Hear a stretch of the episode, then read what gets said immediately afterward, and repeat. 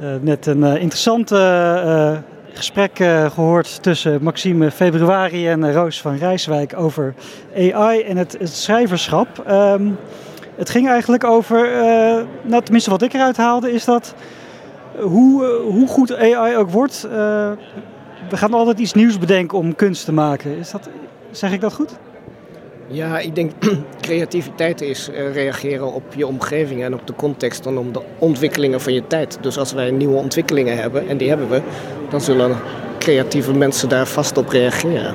Dus dat maakt het op zich wel spannend. Ja, maar ik denk wel, als ik het zo zie met de ontwikkelingen, dat, dat, uh, dat AI wel echt een beetje de norm gaat worden om mee te gaan werken. Misschien niet vervangen, maar wel samen mee gaan werken. Ziet u dat ook zo?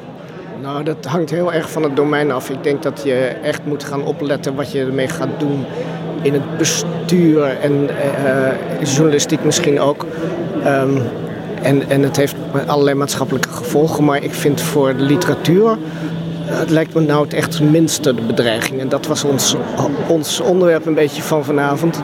Dus ik denk dat we daar wat vrolijker over konden zijn dan wanneer het over het recht was gegaan. Ja, precies. Want jullie zeiden wel van laten we, laten we optimistisch blijven. Zijn er uh, wat jullie betreft echt veel reden om ook pessimistisch te zijn? Nou ja, zoals we net concludeerden op het gebied van literatuur zal het ongetwijfeld wel loslopen. Uh, maar op het gebied van inderdaad uh, recht, nieuwsvoorziening. Um, ja, ik denk, en ook, ik denk ook dat er nu wel mensen zich terecht zorgen maken. Mensen die bijvoorbeeld werken als copywriter. Dat is misschien werk dat eerder overgenomen zou kunnen worden door AI, als je het heel concreet maakt. Maar dat is nog steeds niet het, het grote probleem, denk ik, waar Maxime net op uh, doelde. Nee, het grote probleem zit bijvoorbeeld bij verkiezingen. Op het moment dat je heel veel tekst in de samenleving krijgt die niet meer betrouwbaar is. Dat geldt voor tekst van chatbots.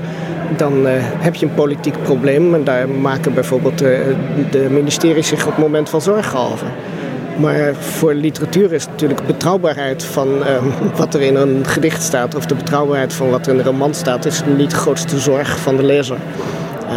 die zoekt iets heel anders in een roman. Ja, die, die moet zich kunnen, kunnen herkennen of bezieling vinden inderdaad. Dat is, dat is dan misschien nog het, het grote verschil, die, uh, die bezieling. Uh, ja, nee, ik denk dat bij roman is het, gaat het heel erg over de ontmoeting met de schrijver. Je stapt als lezer in het hoofd van een, van een schrijver en dat is ontzettend spannend om zo diep in iemand te kunnen doordringen. En dan gaat het er niet om of hij de feiten wel of niet juist beschrijft. Dat is het wezen van fictie, dat het verzonnen is. Dus voor, voor domeinen waarin feiten wel van belang zijn, daar is de opkomst van uh, ChatGPT echt wel uh, wat griezelig. Wat ik, uh, wat ik ook, tenminste, wat, me, wat, me, wat ik besefte tijdens dit, dit, gesprek is dat het ook gewoon heel fascinerend is, zo, die opkomst van AI en de mogelijkheden over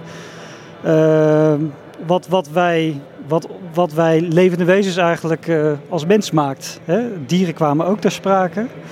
Uh, ik denk dat, denk dat AI daar wel echt een, nieuw perspectief misschien op kan bieden.